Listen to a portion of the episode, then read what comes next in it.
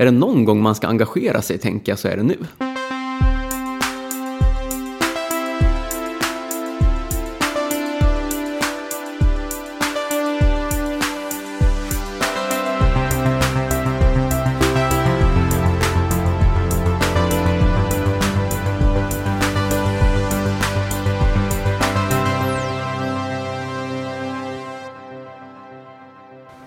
Då är vi tillbaka med Heja Framtiden. Christian von Essen från Kitchen Studio, Roslagsgatan 23 i Stockholm. Uh, sitter här mitt emot Göran Hodén. Välkommen till podden.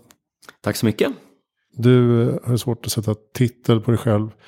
Uh, grön skribent och debattör. Tidigare miljöpartipolitiker. Ja. Analytiker vid gröna tankesmedjan Cogito. Ja. Um, effektiv altruist. Kom nästan in i riksdagen 2014. Ja. Um, och uh, är talesperson för något som heter En köpfri dag. Precis. Du har ju liksom miljötemat redan eh, från unga år. Mm. Vad var det som gjorde att du hamnade in på det spåret från början? Jag tänkte ganska logiskt redan som eh, barn att eh, miljön då är ju grunden för allt annat. Så varför prioriteras inte miljön högre?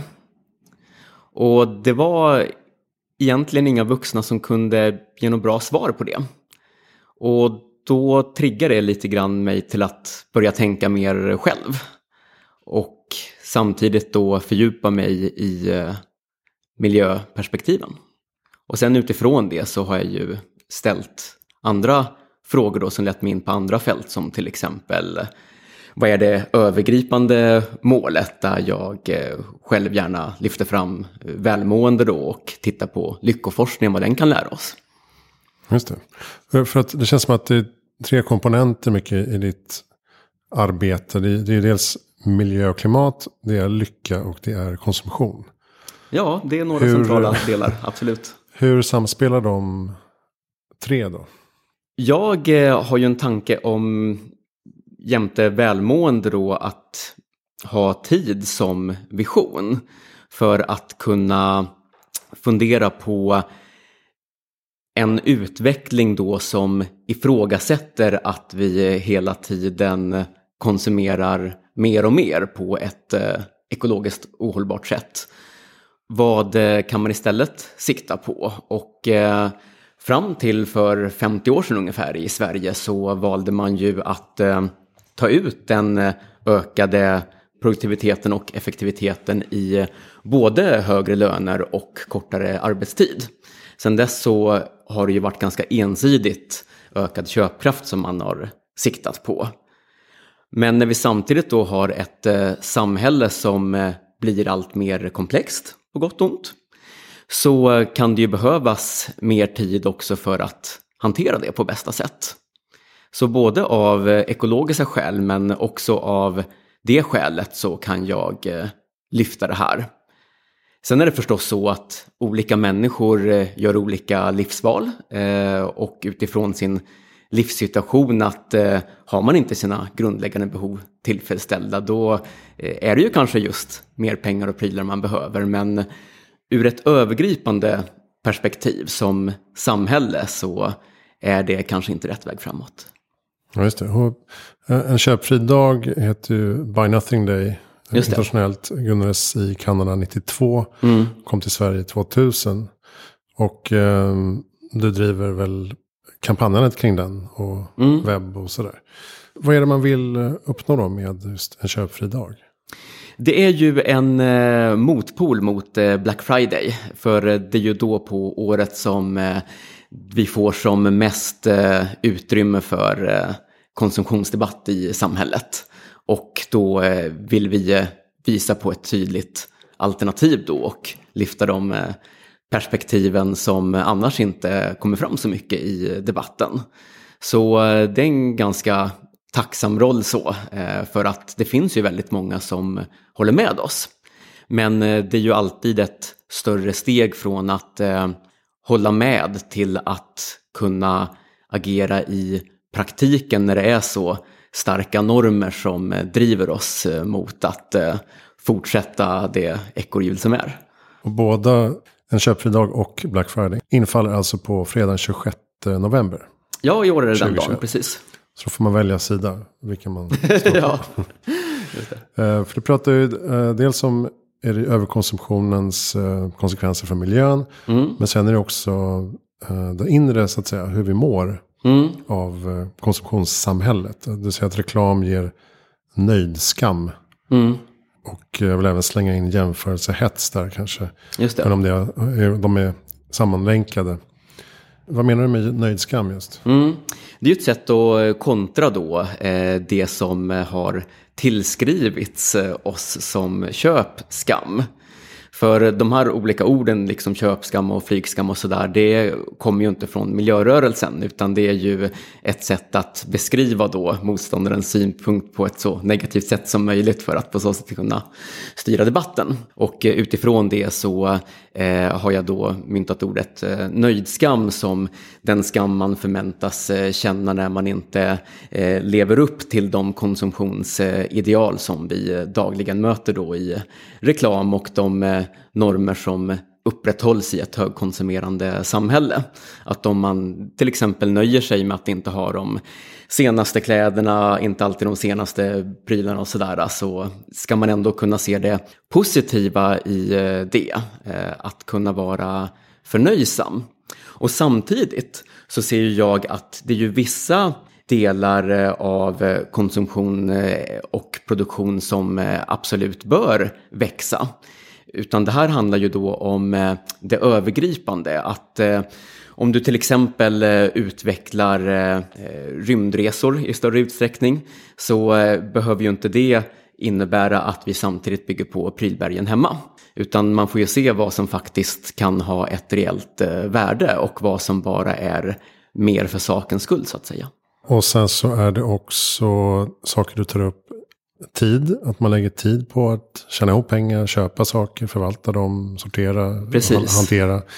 Ehm, och att vi bygger på skuldberget. Ja, det, det är de fyra delarna då liksom vi blir ju nästan som vaktmästare åt våra egna eh, prylberg att det är så himla mycket som snittsvensken eh, behöver sköta om. Alltså det tar ju först tid att känna ihop till saker, sen tar det tid att eh, välja ut och ta hand om eh, saker och eh, till slut så ska man göra sig av med saker och det finns både en eh, tidsåtgång i sig men också en mental eh, stress som eh, följer av att eh, det ligger saker och pockar på din uppmärksamhet. Mm.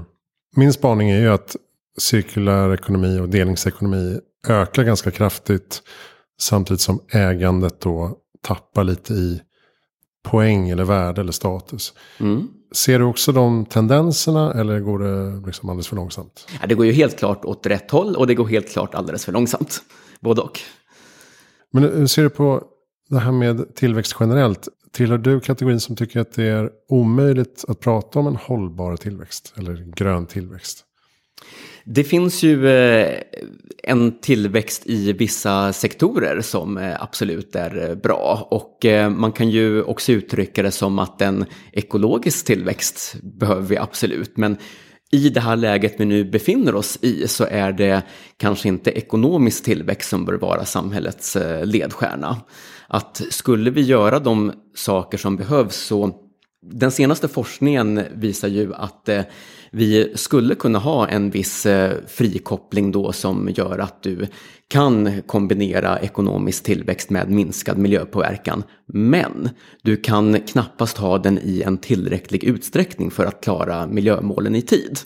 Och då blir det ett val som man ändå måste göra övergripande som samhälle och eh, värld då. Och utifrån mitt resonemang om att eh, miljön är grunden för allt annat eh, när det gäller mat, maskiner, hälsa, hem etc.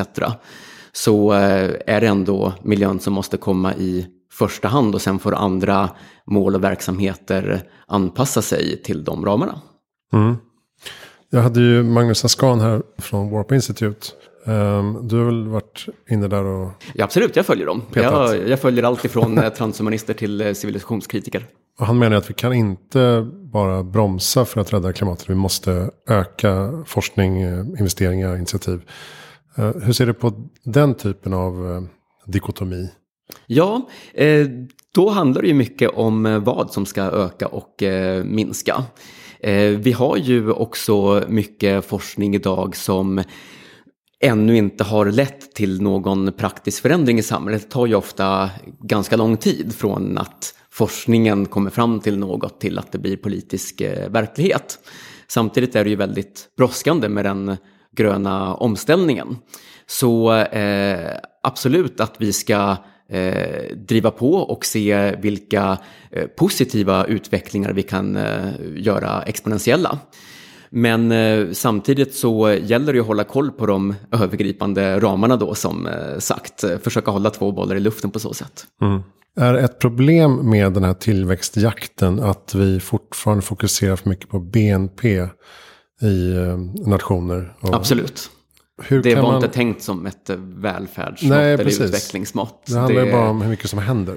Precis, oavsett om det är bra eller dåligt som händer. Hur ska man kunna tweaka BNP-talet då? Eller finns det andra mått som du ser kan komma växa fram? Ja, det är ju eh, flera länder som har eh, breddat eh, målen att man inte bara strävar efter tillväxt då som övergripande mål utan även i eh, Sveriges eh, budget numera så finns det ju 15 olika indikatorer som man mäter utveckling utifrån. Och det är ju absolut ett steg i rätt riktning.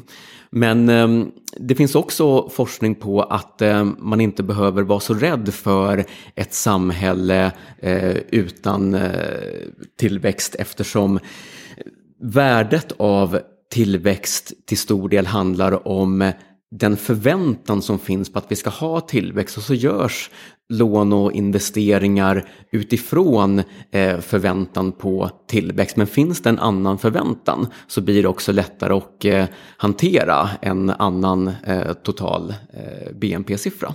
Men kan lyckoforskning och lyckoindex och sånt komma in i den ekvationen tror du? Ja men absolut. Eh, det är ju ett eh, centralt mål som jag eh, ser det då. Människors självupplevda välbefinnande. Mm. Och det är någonting som det borde fokuseras mer på. Jag kan tycka att det, det, det är kittlande samtidigt som det är trubbigt. Det kanske, men kanske är trubbigt verktyg fortfarande. Alltså hur mäter man lycka? Mm. Det kan också vara språkliga skillnader. Mm. Om man säger eh, någon i USA är så här, oh I'm so happy mm. with that. Och i Sverige om man säger, jag är så lycklig. Mm. Så här, är du lycklig? Det är nästan ingen som vågar säga ja. Mm. Utan man alltid säger, ja alltså det är, det är klart att det hade varit bra om man... Det är ganska ja. stor skillnad på de begreppen, tänker jag. Ja, nej men eh, det är ju, alla mått har ju sina för och nackdelar. Eh, och eh, när det gäller då eh, lycka eller välmående så finns det ju olika sätt att mäta det också. Och inte minst inom mätserier då kan man väl se en relevans att om du ställer samma fråga på samma sätt gång efter gång så kan du se en trend. Och du kan ju också Eh, vissa områden eh, se ganska enkelt eh, hur du kan undvika lidande. Alltså om vi till exempel eh, utrotar eh, hungern i världen, om vi slutar att föda upp djur på ett sätt som orsakar så mycket lidande, så är ju det väldigt enkla steg framåt som jag ser det. Men sen finns ju också de här mer svårare målen då eh, som i sin tur kan bidra till lycka. Men det är ju ett eh, växande forskningsfält och eh, vi har hyfsad koll skulle jag säga idag på eh, vad som funkar och inte funkar och eh, av allt att döma så kommer vi få ännu bättre koll framöver. Mm. En eh, väldigt konkret grej som har varit lyckokopplad är ju meditation att eh, det kan vara eh, absolut en eh, sak som man kan göra i större utsträckning om man vill känna välmående och mer balans, stabilitet i livet. Även lägre arbetstid är någonting som du propagerar för. Mm. Kanske har vi också märkt under pandemin att det faktiskt går att få ganska mycket gjort på färre timmar. Ja. Även fast många har bränt ut sig på annat sätt. Men är, är till exempel en sex timmars dag någonting som eh, man skulle kunna utreda framöver? Ja, eh, vi hade ju en successiv eh, arbetstidsförkortning då fram till 70-talet i Sverige. Eh, så det är ju någonting som man kan prioritera som samhälle om man vill. Och det här gäller ju själva lönearbetstiden då. I min vision så har vi ett samhälle med Eh, engagerade människor både på det som är lönearbetstid och det som är eh, fritid. Men eh, en större frihet åt människor tror jag är positivt för att kunna frigöra lite mer av den här skaparkraften som vi människor har i oss. Det är ju flera områden som vi kan utveckla oss på men vi blir ju väldigt nischade då på det som är vårt lönarbete och vi människor bör få utlopp för mer än så. Precis, så när man väl är ledig så fyller man gärna med konsumtion, konsumtion istället. ja, alltså eh, har man eh, en kortare arbetstid då med eh, samma timlön, då får man ju eh, mindre konsumtionsutrymme, alltså man har mindre pengar att eh, köpa för. Eh, och då är ju det ett val då som har gjorts antingen av samhället eller individen, att man väljer då mer tid istället för mer pengar och prylar. Mm. Eh, det låter som att du också är inne och nosar på basinkomst här. Ja, det, men det tror jag absolut är ett eh, spår som vi behöver eh, eh, se närmare på, framför allt då genom eh, större praktiska försök. För att eh, generellt skulle jag säga i politiken att det görs för mycket utredningar i förhållande till praktiska försök. Att istället för att spekulera fram och tillbaka om vilka effekter en viss reform skulle kunna få så borde man i högre grad helt enkelt testa olika idéer och se eh, vad effekterna blir i praktiken. Och sen så kan man eh, antingen utveckla eh, hur reformen genomförs utifrån det eller komma fram till att okej, okay, det här kanske inte var rätt väg. Nej, men då vet vi det. Hur skulle, hur skulle en basinkomst kunna se ut i Sverige då? Jag hade ju med Christian Engström typ avsnitt åtta eller sjukt tidigt i alla fall. Mm. Som hade räknat på då hur man skulle kunna avskaffa eh, CSN och mm. eh, a-kassa eller sådana saker. Mm. Um, försörjningsstöd och istället ha en, en automatisk utbetalning om man hamnar i en viss kategori så att säga. Just det. Besparingarna skulle komma då från, eller finansieringen skulle komma från de besparingarna. Då. Ja. Um, men det är ju inte en universell basinkomst. Utan det Nej. är ju en, ett stöd för de som har det svårast. Just det. Tror du att man kommer kunna experimentera med universell basinkomst så småningom? I framtiden så jag tänker ju att eh, det kommer att finnas eh, mycket större möjligheter i eh, framtiden om vi ser till eh, vad automatiseringen kan frigöra i form av tid och resurser. Sen så tror jag ju också att eh, den första basinkomsten kommer vi knappast se i Sverige. Eh, dels eftersom eh, Sverige har ett så pass eh, utbyggt välfärdssystem så att eh, man drabbas eh, generellt inte lika hårt i Sverige som i de flesta andra länder. Eh, om man inte har en grundtrygghet. Men sen så tror jag också att vi som det ser ut då, ligger efter en hel del i samhällsdebatten. Vi pratar inte så mycket om basinkomst i Sverige. Så det jag tror kommer att hända, eh, det är att eh, vissa länder kommer att införa basinkomst och sen kommer det i sin tur att eh, generera mer av debatt och kanske mer av praktiska försök i Sverige. Mm. En annan fråga som du har varit inne på är koldioxidransonering. Ja. Att man har personliga koldioxidkvoter. Precis. Vad ligger bakom det förslaget och mm. hur skulle det kunna se ut i praktiken? Just det. Den eh, väg som eh, vi hittills har jobbat mycket med är ju skattevägen. Och eh, problemet när man bara höjer och höjer skatter, om du till exempel ska Eh, få den svenska förbrukningen av eh, bensin att hålla sig eh, inom en eh, hållbar nivå. Ska du bara jobba med skattevägen då kommer ju priset bli jättedyrt. Det kommer innebära att eh, eh rika och kanske några fler har eh, råd att köra medans ja, låginkomsttagare på glesbygden blir helt stående. Och eh, ett alternativ till det då som har använts eh, både under andra världskriget och under oljekriserna på 70-talet är ju ransonering. Där eh, alla då får sin beskärda del av en fördelning som utgår ifrån hur mycket har vi att fördela av hållbarhetsskäl eller andra skäl. Och det ger ju en eh, rättvisa som ger en social eh, hållbarhet som i slutändan alla vinner på. Men hur ska man kunna tänka sig ett sådant system i praktiken? Ja, eh, tidigare så körde man ju eh, Eh, kuponger då, när man hade det förr i tiden. I ett eh, modernt system så skulle det rimligen gå eh, digitalt då.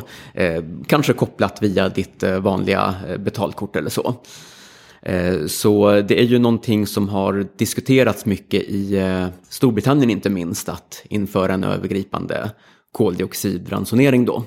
Och eh, det går också att tänka sig att man gör det, kanske börjar med vissa sektorer då. Och någonting som ytterligare underlättar införandet är ju att vi får en mycket större kunskap nu om olika produkters miljöpåverkan som gör att vi får ett kunskapsunderlag för att kunna rulla ut något sånt här. Skulle man straffas ekonomiskt om man övertrasserar? Eh, där finns det ju också olika fysiskt. vägval. Då. Nej, fysiskt knappast. Men eh, du kan ju till exempel eh, ha ett system där du kan eh, sälja eh, eventuella överblivna utsläppsrätter. Eller så har du ett system där du inte kan det. Det går att tänka sig både och. Känner du att du kan påverka mer utanför politiken än inom politiken? Alltså nu kan du ju slänga ut mm. lite mer radikala idéer kanske. Ja, som debattör. Ja, nej men det är ju för och nackdelar. Jag tänker ju generellt att eh, samhället skulle må bra av att om en högre andel av eh, befolkningen var med i politiska partier. För det finns ju eh, trots allt en hel del som man kan påverka där. Men eh, det finns ju eh, absolut en större frihet eh, när man inte är kopplad till ett visst eh, parti.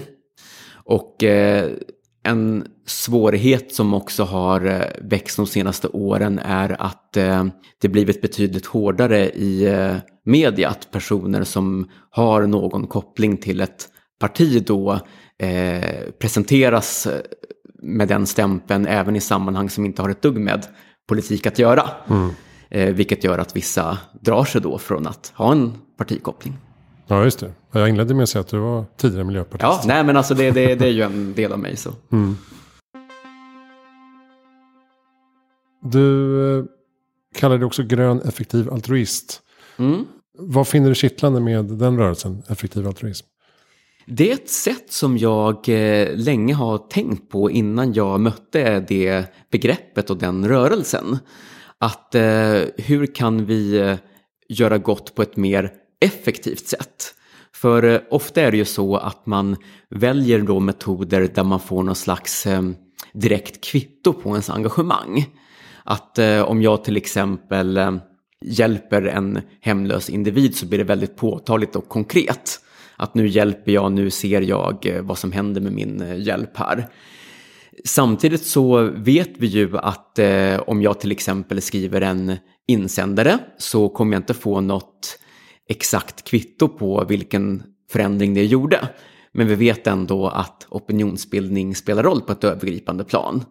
Och eh, att det då kan eh, vara värt att fundera då som eh, effektiva altruister gör på, ja men på det vi ändå kan mäta och få något kunskapsunderlag på. Vad kan vi säga utifrån det om vad som vore Eh, mer angeläget att eh, ägna sig åt om man vill göra gott i världen. Och hur engagerar du dig i, i den rörelsen? Ja, eh, jag försöker att ha samtal då med olika effektiva altruister om olika frågor och jag fördjupar mig i de texter som publiceras inom rörelsen och jag försöker också att sprida tänkandet och att den här rörelsen och tänkandet ens eh, finns för att även andra ska kunna ta del av den möjligheten. Eh, och även som du var inne på tidigare, djurvälf djurvälfärd och eh, mm. eh, allt lidande så att säga. Eh, Just det. Faller inom ramarna för hur man ser på världsförbättring inom effektiv altruism. Ja, nej men det är ju så jag ser mig också som ideologiskt grön. Att jag vill bredda perspektiven i tid, rum och art. Eh, det vill säga eh, tänka mer långsiktigt, tänka mer globalt och eh, inte bara tänka på människans välfärd. Mm. Det känns som att miljörörelsen har lite problem med att det blir polarisering även där. Mm. Vad ser du som miljörörelsens huvudsakliga problem under de här kommande åren? Jag tänker att en stor utmaning för miljörörelsen är ju att eh, det inte ligger eh, naturligt i våra hjärnor att eh, tänka så pass eh, långsiktigt globalt som miljökriserna kräver. Och eh, då får man ju försöka använda då den psykologiska kunskap vi har och som utvecklas för att se hur man ändå kan eh, komma runt detta och skapa ett stort engagemang för eh, kommande generationers eh, välfärd även på andra sidan av jorden. Om man kopplar då till effektiv altruism, går man för mycket på känsla? Alltså eh, känslor är ju ganska effektiva i kommunikation. Mm. Så i den mån man kan eh, fundera då, och jag brukar ju tänka så här att slutsatser är där vi slutar att tänka så att jag brukar liksom inte låsa mig vid åsikter på det viset utan mer se det som en process. Men det vi ändå har kommit fram till då, att eh, försöka tänka på eh, det längre och eh, sen eh, se utifrån ett logiskt tänkande hur vi kan förpacka det här på ett känslomässigt berörande sätt. Okej. Okay. Mm. Som eh, reklam helt enkelt. jo men alltså reklam det är ju någonting som kan göras för både bra och dåliga saker. Mm. Så är det ju. Precis. Kommunikation kan vi kalla det också. Ja precis, det finns ju mer positivt laddade ord där. Eh, jag brukar fråga vad är ditt bästa tips för att göra världen bättre i framtiden?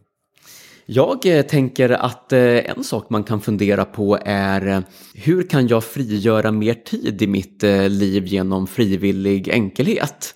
Finns det vissa sådana där självklarheter som jag skulle kunna ifrågasätta? Behöver jag till exempel äga en egen bil? Eller om jag räknar på helheten, skulle det faktiskt vara möjligt att eh, kanske eh, använda elcykel och hyrbil och taxi istället? Det är en sån övergripande pusselbit man kan fundera på, det finns fler. Sen så eh, tror jag ju då på effektiv altruism som eh, metod eh, när man nu har den här tiden. Och att eh, använda tid till eh, mer eh, eftertanke utifrån grundtanken att sannolikheten ofta ligger närmare 50 procent än vi tror. För att eh, vi har det i oss att vi ofta blir orimligt övertygade om olika saker. Så det tror jag också är viktigt att vara vaksam på. Och i hela den här processen då att eh, komma ihåg att i allt vi gör att miljön alltid är grunden för allt annat så att det är någonting man inte kan kompromissa med.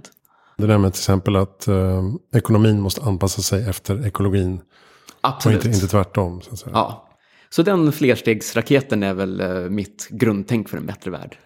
Din quick fix då på hur vi bygger ett lyckligare samhälle. Mm. Ja, alltså jag nämnde ju tidigare meditation som en eh, väldigt bra sak att göra mer. Och eh, det är ju intressant för att eh, jag tror att eh, det ligger väldigt mycket av vår potential i hur vi kan eh, fundera mer på tankemässig utveckling. När politiker funderar på samhällsutveckling då handlar det ju mycket om att ja, men vi lägger några mer kronor här, vi kanske bygger en ny väg där och så vidare. Men ehm, vi eh, skulle som samhälle och som individer kunna fundera mycket mer på eh, hur vi kan eh, bli starkare i vårt eget tänkande. Man kan till exempel utifrån konsumtion tänka att rik är inte den som har mycket utan den som saknar lite. Och man kan övergripande tänka mer på förnöjsamhet. Att eh, hur kan jag eh, känna mig nöjd lättare med saker och på så sätt kan jag frigöra tid då för de här projekten jag brinner för och som jag eh, vill göra mer. Mm, det är bra. Um, har ni bra läs eller poddtips? Ja, både och faktiskt. Jag tänker eh, när det gäller läsfronten så ägnar vi ju övergripande väldigt mycket tid åt eh, nyheter och sociala medier. Som jag ser det så är det saker som eh, huvudsakligen rör sig i bladspetsarna på kunskapens träd. Och om vi kan försöka fokusera lite mer på övergripande tidlös kunskap tror jag vore bra. När det gäller eh, en konkret eh, bok så kan jag rekommendera Lyckans verktyg av Sonja Libomirsky som är en helt eh, vetenskapsbaserad bok för självhjälp, lyckoforskning. Hur man kan må bättre då på enkla sätt. Och när det gäller poddar så tänker jag att är man intresserad av framtiden så jag uppskattar ju mycket Petri Dystopia och tänker att oavsett om man ser positivt eller negativt på framtiden så tänker jag att man ändå bör eh, hålla koll på eh, olika attityder, vad som sägs utifrån det, vad vi vet och sådär. Men det finns också en eh, liknande podd på engelska som heter Flash Forward eh, och den tar upp både utopier och dystopier så den kan jag också starkt rekommendera att man kollar in redan från eh, början där. För att de framtider som målas upp där har ju ännu inte hänt så att det är fortfarande aktuellt det som sändes för fem sex år sedan. Ja, just det. Vad är det själv för bild av framtiden om vi ser eh, slutet på århundradet? Jag tänker att det är väldigt svårt att säga faktiskt. För att det är så mycket som händer nu. Och det är så mycket som rullar i olika riktningar. Så var vi till slut kommer att hamna, det avgörs ju mycket av eh, vad vi gör och vad som händer nu. Så att eh, är det någon gång man ska engagera sig, tänker jag, så är det nu. Ja, det är bra. Eh, skapa framtiden. Ja, verkligen. vem tycker att jag ska intervjua? Rose Evelett som driver Flash Forward. Hon har ju då fördjupat sig i en rad olika framtidsscenarier och vad är då hennes eh, samlade bild av framtiden utifrån det här? Det vore väldigt intressant att höra. Mm. Bra, bra tips. Eh, tack snälla Göran Hodén för att du kom till Heja Framtiden. Tack själv. Hur kommer man i kontakt med dig? Ja, man kan bara söka mig på sociala medier så svarar jag där. Fast du är inte inne och kollar? Jo, jo, alltså jag, jag kollar det också, men jag överdriver inte. um, men du har lite olika hemsidor och så. En köpfri dag har väl en blogg i alla fall? Ja, precis. Eh, och sen har jag en egen blogg också som heter Hållplats Hodén. Hållplats Hodén. Jajamän. Bra. Eh, och som sagt en köpfri dag eh, infaller alltså på 26 november, fredag 2021, samtidigt som Black Friday. Ja. Då får man eh, göra sitt val. Vill man vara med och stötta en hållbar framtid? Eller vill man fastna i konsumtionsfällan ytterligare. Ehm, um, Hejaframtid.se, där hittar du alla avsnitt du behöver från uh, den här podden och uh, mina projekt, magasin och uh, nu en ny bok som heter Nu fattar jag. Boken som hjälper dig förstå vår digitala samtid och framtid tillsammans med Henrik Smålak från under 15. Missa inte att köpa den eller bevaka den och beställa den. Uh, tack snälla för att du lyssnar på Heja Framtid.